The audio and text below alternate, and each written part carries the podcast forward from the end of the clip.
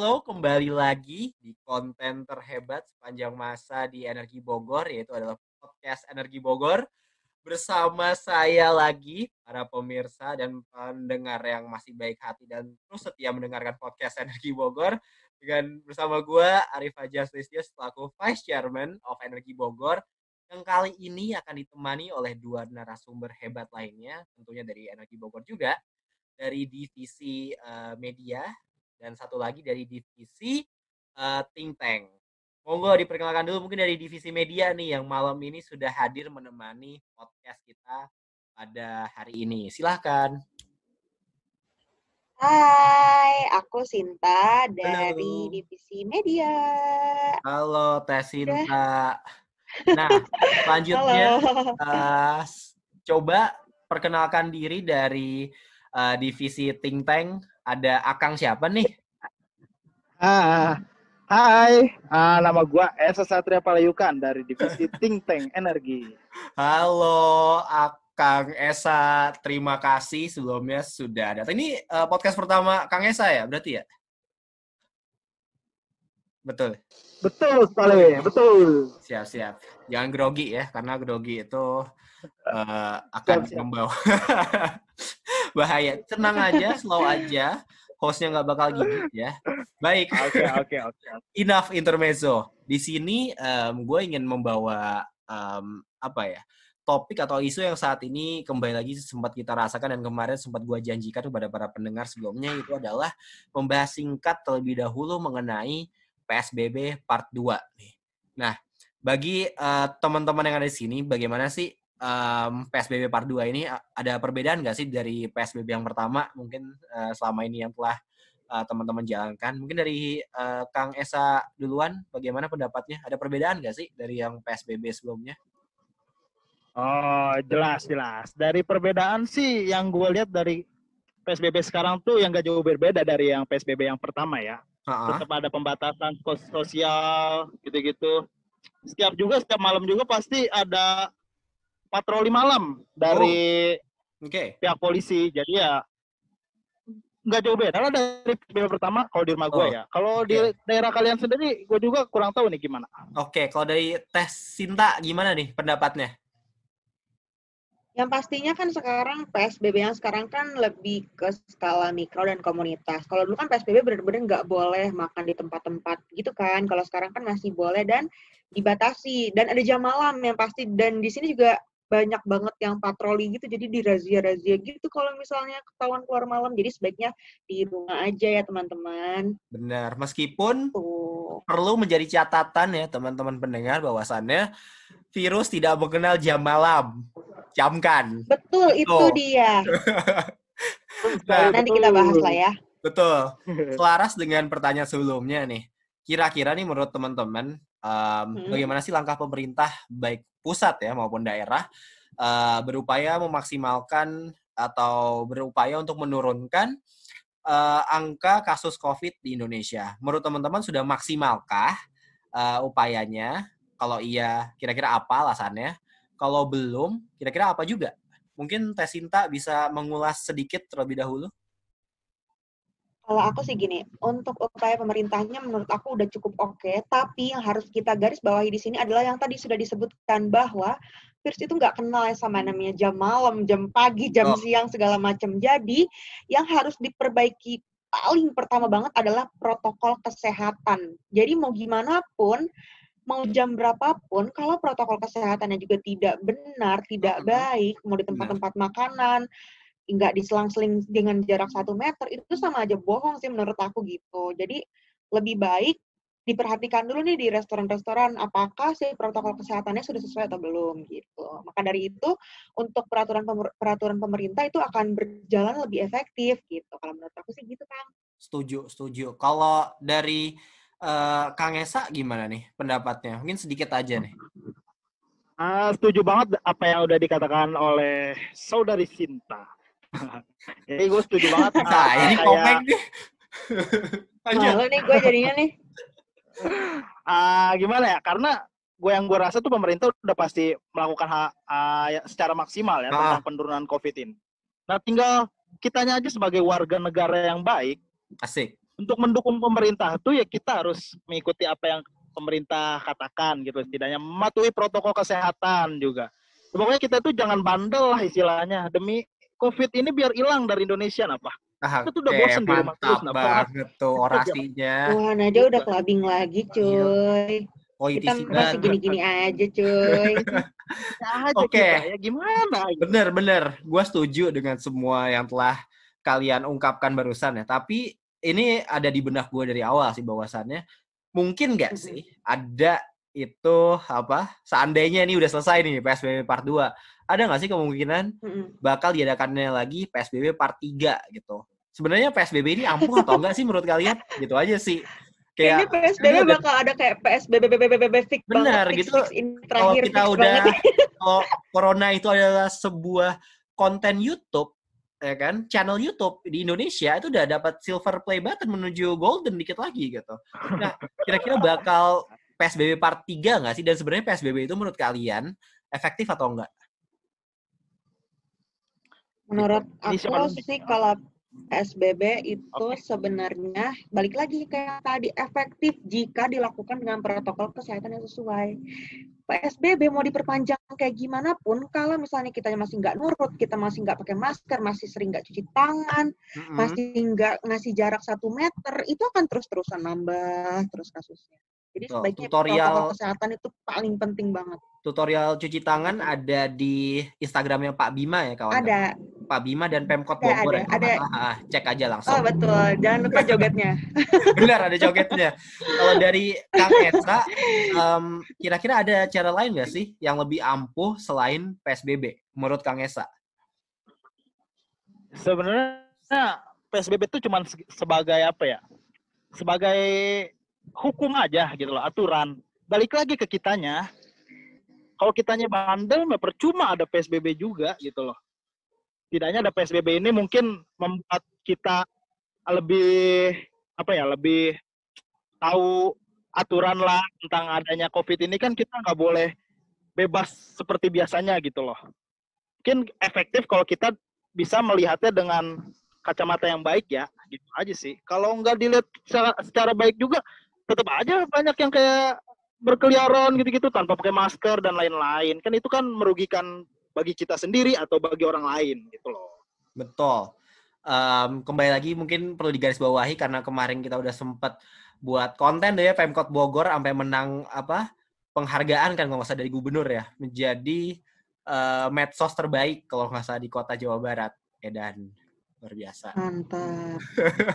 Jadi per, untuk kota-kota lain di Jawa Barat perbanyak uh, joget yang mudah dipahami dan dicerna oleh masyarakat mengenai cara uh, mencuci tangan yang baik, yang bersih dan hidup yang sehat. Tentu juga dengan jaga jarak. Mungkin seperti itu. Mungkin pendekatan seperti ini yeah, iya, lebih yeah, banyak digalakkan ya seharusnya ya menurut teman-teman kali ya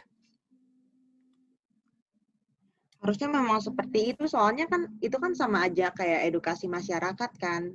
Lebih baik yang mudah-mudah aja lah itu kan yang Pak Bima bikin gerakan joget burung gagak juga oke okay banget sih itu. Wah mantap sih. Aduh, nanti kita bikin kali ya iya gak sih? boleh banget. Boleh boleh boleh boleh. Setuju. Oke okay. um, nah tadi kan kita udah membahas singkat um, mengenai PSBB part 2 dan sebagainya dan kira-kira ada PSBB part 3 mm -hmm. dan sebagainya. Di sini gue mungkin ingin um, mengalihkan fokus kita terlebih dahulu. Jadi enough about PSBB dan kawan-kawan COVID lainnya. Kita ingin membawa kepada topik yang mungkin lebih uh, yang serius juga untuk dibahas gitu. Yang uh, menurut saya juga patut menjadi perhatian khususnya di Indonesia. Jadi uh, 29 September ya kalau nggak salah. Bener nggak Sinta ya? 29. 28, 28. Oh, 28 bener. Ha? Itu adalah hari jantung sedunia ya. Sedunia. Sedunia. Ya.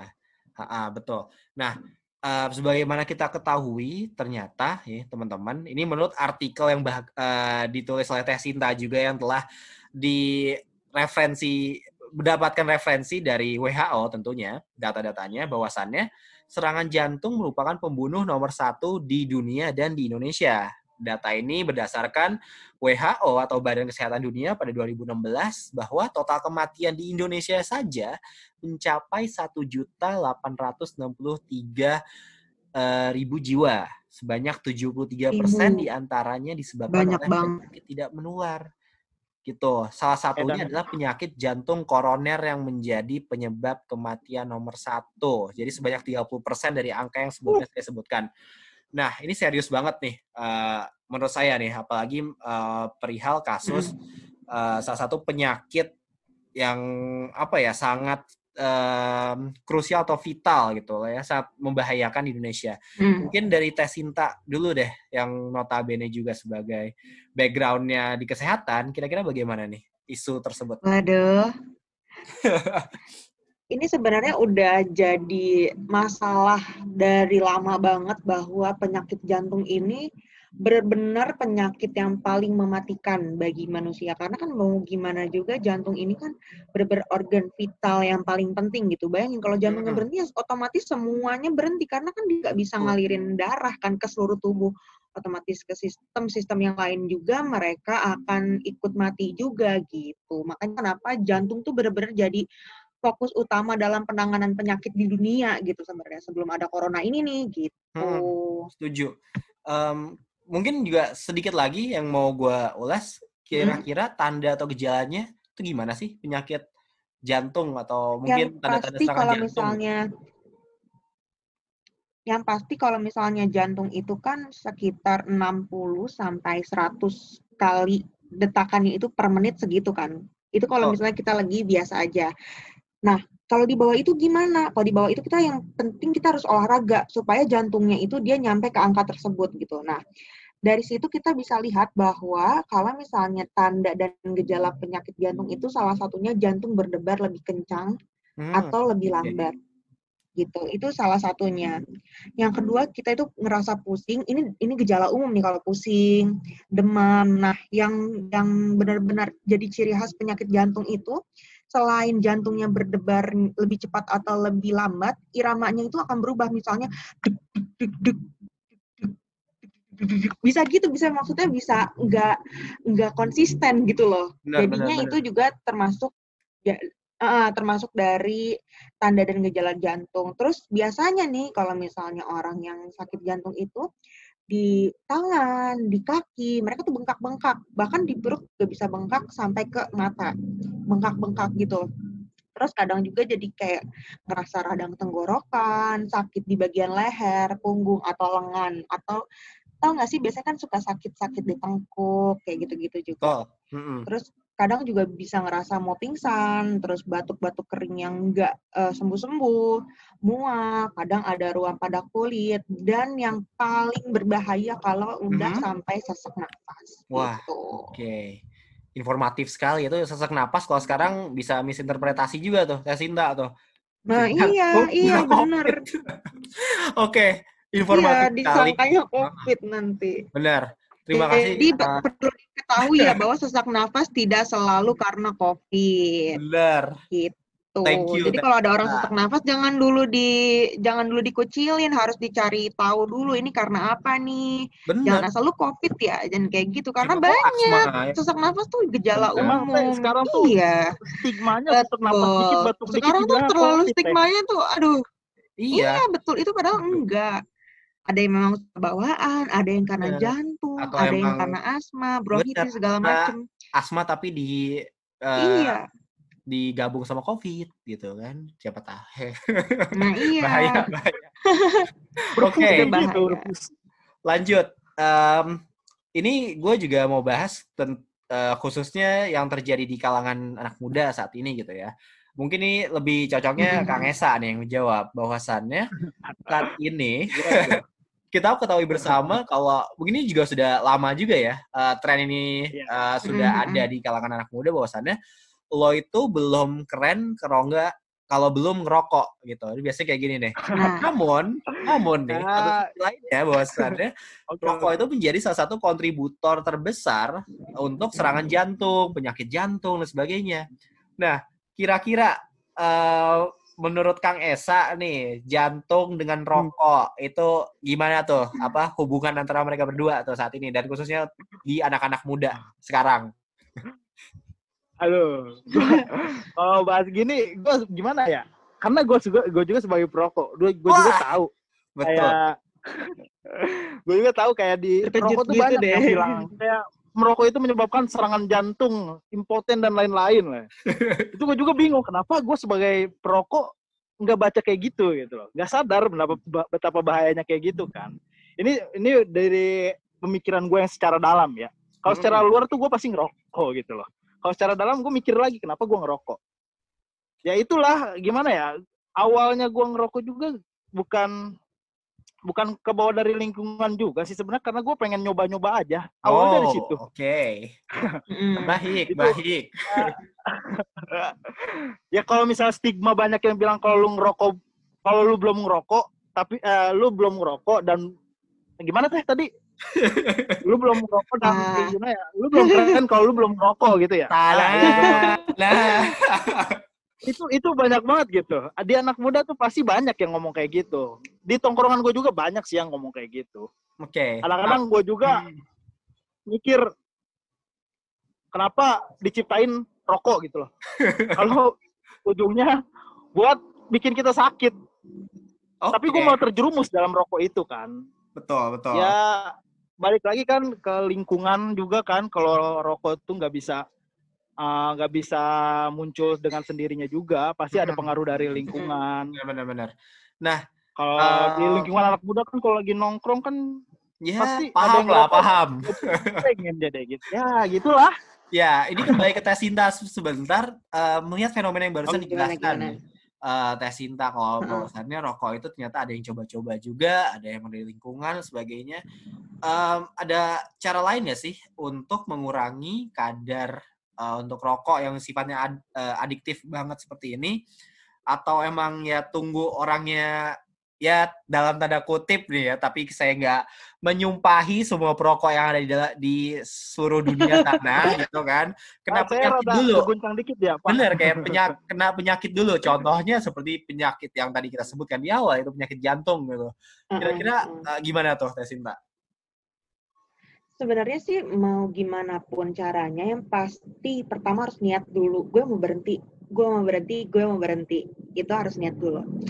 Terus ada juga aku pernah baca katanya makan permen karet. Jadi uh, permen hmm. karet itu sebagai kayak tipuan kita ke otak kalau kita tuh oh, mau ngerokok. Okay gitu loh karena kan kadang kan orang ngerokok ya udah pengen nyebat nyebat aja gitu loh itu bisa diganti dengan permen karet karena kan permen karet juga dia kan kayak tipuan loh kayak nih gigi ngunyah nih tapi nggak ada yang ditelan. Sama kan kayak ngerokok gitu kan iya nggak sih? Dia ngisep nah, ngisep iya, iya, tapi nggak ada yang masuk ke pencernaan. Benar gak betul betul betul benar gak sa? gue nggak pernah ngerokok sumpah. Jadi gue nggak ngerti. Hmm. gitu nggak ya, tapi apa yang kalau misalnya ngerokok. dibilang Tesinta tadi ya kadang-kadang efektif juga. Gue juga kadang-kadang kalau misalnya emang nggak nggak punya rokok ya kadang-kadang gue nyari permen karet gitu loh biar setidaknya ngilangin Ya kalau perokok tuh kalau nggak ngerokok tuh kan pasti asem mulutnya ya. Benar benar. Nah iya, pakai permen karet supaya dia lebih manis. Nah, ya kayak gitulah. Tapi lebih. ya, tapi ya, hmm. tapi Betul? ya ini Kang ah. Arif, uh, selain rokok ini ada yang kita nggak sadar juga.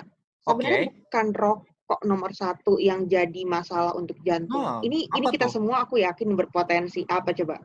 Apa makanan tuh? gorengan, makanan kolesterol. Gorengan, kolesterol tuh nomor satu, itu masalah nomor satu buat jantung. Gimana coba nih? Aku aku coba jelasin sedikit ya supaya yang dengar juga paham. Jadi gini, kenapa kolesterol itu bisa uh, jadi sakit jantung? Tahu kan kalau kolesterol itu kan bikin ada lemak di darah kan, iya nggak? Dia kan yeah. makanan gorengan segala macam. Kan kalau misalnya jantung itu kan ada tersumbatnya pembuluh darah. Nah, si pembuluh darah ini nih ada lemak nih.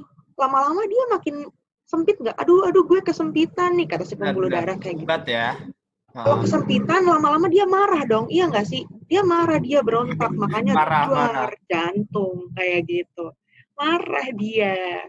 Makanya dia kena jantung. Itu sebenarnya kolesterol yang benar-benar ini aku yakin banget semua orang nggak mungkin enggak makan gorengan gitu.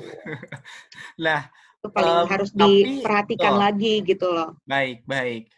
Um, berarti untuk Kang Esa, alhamdulillah masih cukup aman nih karena rokok belum jadi. Ya tapi nggak gitu juga. ya, gue bersyukur juga tes cinta ngomong kayak gitu. Jadi gue nggak terlalu di blaming sama kau rokok. Jadi Enggak sih, jangan. Jangan Cuma sampai dikurangin aja gitu. Bener, jangan sampai ya, ya, perpaduan ya. antara rokok dengan gorengan itu di di mix ya. Wah, Udah itu. Tapi Wah, biasanya itu, gini, Bang. Biasanya gini, gue mau jelasin aja nih. Gue sebagian besar kalau perokok tuh nggak sedep kalau nggak ditambahin gorengan sama kopi udah kan? hancur itu tuh kan itu lu iya, itu iya, triple gitu ya. ini gue jujur jujuran aja gitu banget. kopi juga kenapa, kenapa? biasanya menyebabkan insomnia kan uh -uh. Iya, itu kan nah. kalau insomnia itu kan menyebabkan tekanan darah tinggi. Benar. Kalau tekanan nah. darah tinggi, dia juga bermasalah ke jantung juga. Tuh, tadi uh, jangan macam-macam deh masih jantung. Ntar kalau udah ngamuk lo pusing deh. Kenapa? Setuju. Ya, setuju sih gue benar. Jadi udah udah kolesterol, rokok plus ayo kafein dari kopi. Ah, udah. Kata si jantung, kata si jantung gini, tinggal aja lo milih lo mau lewat jalur yang mana nih? Jalur kopi jalur gorengan atau jalur ngerokok? Bikin gue marah. Oke. Okay. good good good. Nah mungkin ini uh, kembali lagi uh, kepada upaya ya ya. Kan tadi kan kita udah ngomongin upaya mengenai uh, covid. Nah sekarang gue mau uh, bicara terkait upaya jantungnya. Kalau di kota Bogor sendiri nih mungkin hmm. yang tes Sinta tahu mungkin ya kira-kira udah ada upaya apa sih dari Pemkot Bogor ataupun udah ada RSUD ataupun rumah sakit khusus jantung gitu nggak sih di Kota Bogor nih khususnya? Kalau di Jakarta kan mungkin ada tuh kalau kita tahu seperti pusat otak nasional gitu kan, khusus uh, yeah, penanganan yeah. otak mm. dan sebagainya, ada pusat mata juga. Di Bogor kalau jantung udah ada belum ya kira-kira? Jadi aku pernah baca beberapa artikel gitu. Jadi ada direktur dari RSUD Kota Bogor itu sendiri dia bilang kalau misalnya di RSUD Kota Bogor ini udah ada layanan cat lab.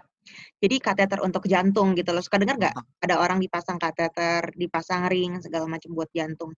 Pernah nah ini di Kota Bogor ini udah ada alatnya keren banget gak sih? Dan kerennya lagi ini uh, alat ini bisa kita gunakan dengan BPJS tanpa Wih. membayar sepeser pun. Tuh. Keren banget kan? Dan itu cuma Kota Bogor yang melaksanakan ini. Keren banget kan? Alhamdulillah. Ya kepada Bapak Bima kalau saya mendengarkan atau Bapak Dedi, kita telah menjadi PR gratis buat Anda. Kami tunggu di rekening. Iya loh, aku loh. Jadi kalau misalnya kita memang peserta BPJS, udah aman nih kalau misalnya di Bogor nggak usah bayar, bayar apa apa Oke, ini agak breaking up nih Tesita suaranya. di rumah sakit rumah sakit lain itu itu untuk cat lab. Halo? Ya oke okay, oke okay, sip halo? sip. Lumayan lumayan lumayan. Masih nggak sih? Lanjut lanjut. Lumayan ya Uh, tadi jadi kalau misalnya di rumah sakit rumah di rumah sakit rumah sakit lain bahkan Bandung pun masih bayar setengahnya gitu kalau misalnya pasien BPJS juga. Kalau di Bogor kan udah full semua. Tapi di rumah sakit rumah sakit jantung itu mereka bisa bayar puluhan sampai dengan ratusan juta rupiah untuk pelayanan cat lab ini gitu. Terus kerennya lagi di RSUD Kota Bogor ini ada ruangan intensif kardio unit Nah, ini tuh kayak ICU-nya khusus penyakit-penyakit jantung gitu, keren banget kan? Jadi biasa, untuk orang Bogor bisa banget nih nikmatin pas bukan nikmatin ya menggunakan menggunakan Serem fasilitas ya, ini. ini khusus warga Kota Bogor gitu. berarti ya, Tesinta. iya. Oh, Dan ya. uh, peserta BPJS gitu. Ya, jadi Dan soalnya gini. ya. Kita singgung sedikit nih. Jadi kan kalau pemerintah ini punya uh, gerakan, pemerintah ini punya gerakan untuk uh, mencegah si penyakit jantung ini. Salah satunya adalah cerdik. Jadi C-nya itu cek kesehatan secara berkala, E-nya enyahkan asap rokok, R-nya rajin aktivitas fisik, D-nya diet sehat dan seimbang, rajin aktivitas fisik, D-nya diet sehat dan seimbang, I-nya istirahat cukup dan K-nya kelola stres. Nah, ini uh, kita bisa cek kesehatan secara berkalanya ini di RSUD Kota Bogor juga. Apalagi buat jantung kan tadi yang sudah aku sebutkan, mereka bisa banget nih untuk cek kesehatan jantung secara gratis kalau mereka adalah mm -hmm. uh, anggota dari pengguna BPJS gitu. Mantap. Tuh, kepada mungkin Akang Esa tuh ya, jangan lupa R-nya itu rajin aktivitas Pak Bima, fisik. saya udah saya sudah nah. mempromosikan nih Pak, tolong ya, ya Pak kan, ya. Benar, tadi saya Sampai bilang jajan saya. Rekening energi Bogor selalu terbuka gitu kan. Iya, enak aja. Pribadi nah, Ini, tapi ini untuk tujuan energi Bogor. Tapi, eh. gue juga Ah. Ini pendapat gue ya. Ya Allah. Ya. Gue sebagai perokok, tapi pasti mengimbangkan dengan olahraga dong. Oh, ya. Jadi gue ya, biar nggak buruk-buruk amat napa. Jadi gue kadang-kadang tuh 30 menit tuh gue sisain buat olahraga entah sit up, push up atau lari kah kalau lagi nggak mager kan. Itu dari sebulan ya? Kan? Dari sebulan cuma 30 menit olahraganya ya? Enggak dong, oh, setiap oh, hari dong. dikirain kalau gitu. sebulan tuh percuma gue ngerokok nggak olahraga sama sekali mah itu hitungannya gue mendingan gak usah bener. jadi gitu. layaknya work life balance ya. Tapi ini adalah iya. balance uh, life and smoking balance gitu. Nah itu. Gue sebenarnya gue pengen olahraga tapi gue pengen ngerokok. Kadang-kadang gitu. Jadi gue bingung. Iya, olahraga ngerokok. Betul ya, tetap sehat saja ya sebenarnya ya. buat para pendengar jangan jangan jangan sekali-sekali lah kalau yang buat para perokok para eh yang belum ngerokok ya, jangan sekali-sekali lah nyoba ngerokok itu. Bahaya lah. hiburan langsung, ya? hiburan langsung ini udah ada ada reviewnya ya. Iya. Nanti tinggal nantikan saja teman-teman di konten YouTube uh, mengenai uh, konten khusus energi Bogor yaitu eksklusif uh, seorang perokok tobat gitu. Itu akan ada khusus, itu khusus member aja ya, member energi Bogor. Jadi kalau mau membership kita sudah buka di YouTube mulai dari sembilan juta sembilan sembilan sembilan sembilan. Silahkan. Siap, gue gue siap jadi tutornya kalau gue berhasil buat tobat. Edan. Oh, ya. Nah, mungkin um, karena kita sudah masuk di penghujung sesi, ada mungkin apa ya saran untuk hari du uh, jantung dunia nanti uh, oleh teman-teman sekalian mungkin tips atau apa khususnya untuk menjaga jantung kita tetap sehat ataupun himbauan bagi orang-orang yang di sana yang uh, kurang menjaga jantungnya dengan baik seperti masih makan makanan yang berminyak atau masih merokok seperti apa. Nah mungkin uh, singkat saja dari masing-masing teman-teman mungkin dari uh, Teh Sinta dulu deh kan tadi udah bayang nanti gue ingin closing dengan uh, the best for the best yaitu untuk Kang Esa gitu. Oke siap siap siap siap siap siap. Silakan Teh Sinta. Jadi gini, jadi gini nggak mungkin semua orang bisa menghilangkan kebiasaan makan goreng-gorengan karena ya hmm. tiap hari juga ada aja yang digorengnya nggak sih mungkin dikurangi kali ya bukan dihilangkan. Betul. Terus yang ngerokok juga kalau nggak bisa dihilangin banget uh, dikurang-kurangin lagi. Yang ngopi juga kalau misalnya nggak bisa dihilangin banget dikurangin. Terus nih buat anak-anak zaman sekarang jangan suka tidur malam karena itu ngaruh sama uh, iya tekanan darah kan tekanan darah dia kan kalau misalnya tinggi kan duk duk duk duk duk jantungnya juga capek kasihan gitu loh makanya dari pola tidur pola makan pola olahraga apalagi sekarang kan lagi pandemi kayak gini kan hmm. diusahain deh olahraga sehari itu minimal 30 menit gitu Nih, jadi oh. soalnya setelah aku baca-baca sekarang kalau misalnya jantung itu udah mulai banyak nih yang kena di usia muda gitu kan sayang banget betul, kan betul, bukan iya mending hmm. dari sekarang dijaga deh siap siap terima kasih Teh Sinta tuh uh, barusan ya sama-sama uh, Kang Esa udah checklist tuh, berarti untuk kesehatannya, oh gue udah 30 menit nih kan, baru tadi dibilangin sama Teh Sinta. Gue jadi oh, ngeri nih. Hidup gue masih satu menit ah, lebih panjang ya? gitu, aja. Oke, okay. now from uh, the last of our um, apa uh, spokesperson for tonight silahkan Kang Esa. Ya dari gue sih sebenarnya bukan pakar terhadap masalah jantung ya. Itu sebenarnya udah disebut dan jangan nyuruh YOLO ya mas. jangan nyuruh pendengar kita YOLO ya. Awas loh. You only live once jadi ya udah rokok aja. Ya udah makan enggak, enggak gitu juga. aja gitu. Ya, oke silakan. Nah, sorry. Ada sebenarnya ada sisi gue kayak gitu tapi alangkah lebih baiknya untuk tidak mencoba rokok sebenarnya. Itu sebenarnya semuanya udah disebutkan oleh Tesinta tadi kan ya tentang gorengan, rokok dan kopi dan lain-lain sama kebiasaan-kebiasaan yang buruk lah setidaknya demi masalah jantung eh demi kesehatan jantung kita tuh alangkah lebih baik kita tinggalkan yang buruk gitu loh. Nah, gue sebagai pandangan sebagai perokok ya bagi yang belum merokok mendingan jangan oke okay. coba-cobalah sekali-sekali buat ngerokok gitu loh mantap bang biar sekarang sekarang tuh udah penyakit tuh udah bermacam-macam kan jadi alangkah jangan jangan lu coba-cobalah sekali buat ngelakuin kesalahan kayak gue lakuin nih ngerokok dan lain-lain itu sebenarnya sebelum lu terlambat mendingan jangan lah gitu. Gue juga bang, sebagai perokok juga gue mencoba mengurangi dengan kebiasaan ngerokok gue. Gue sebenarnya jujur aja kalau ngerokok tuh kalau gue lagi gabut, mm-hmm. makanya gue mencoba memperbanyak aktivitas gue biar gak ngerokok. Dengan olahraga juga gue coba buat ngurangin gue ngerokok. Dengan permen karet kadang-kadang kalau mulut gue asem. Jadi kadang-kadang ya nggak sering-sering juga gue akhir-akhir ini ngerokok gitu loh. Oke. Okay. Itu aja sih. Jadi bagi in... perokok juga, lu coba kurang-kurangin lah, jangan terlalu banyak rokok. Selain duit lu menipis, kesehatan lu juga menipis bro, gitu loh. Siap bro, siap siap. Itu dari gue ya, thank you.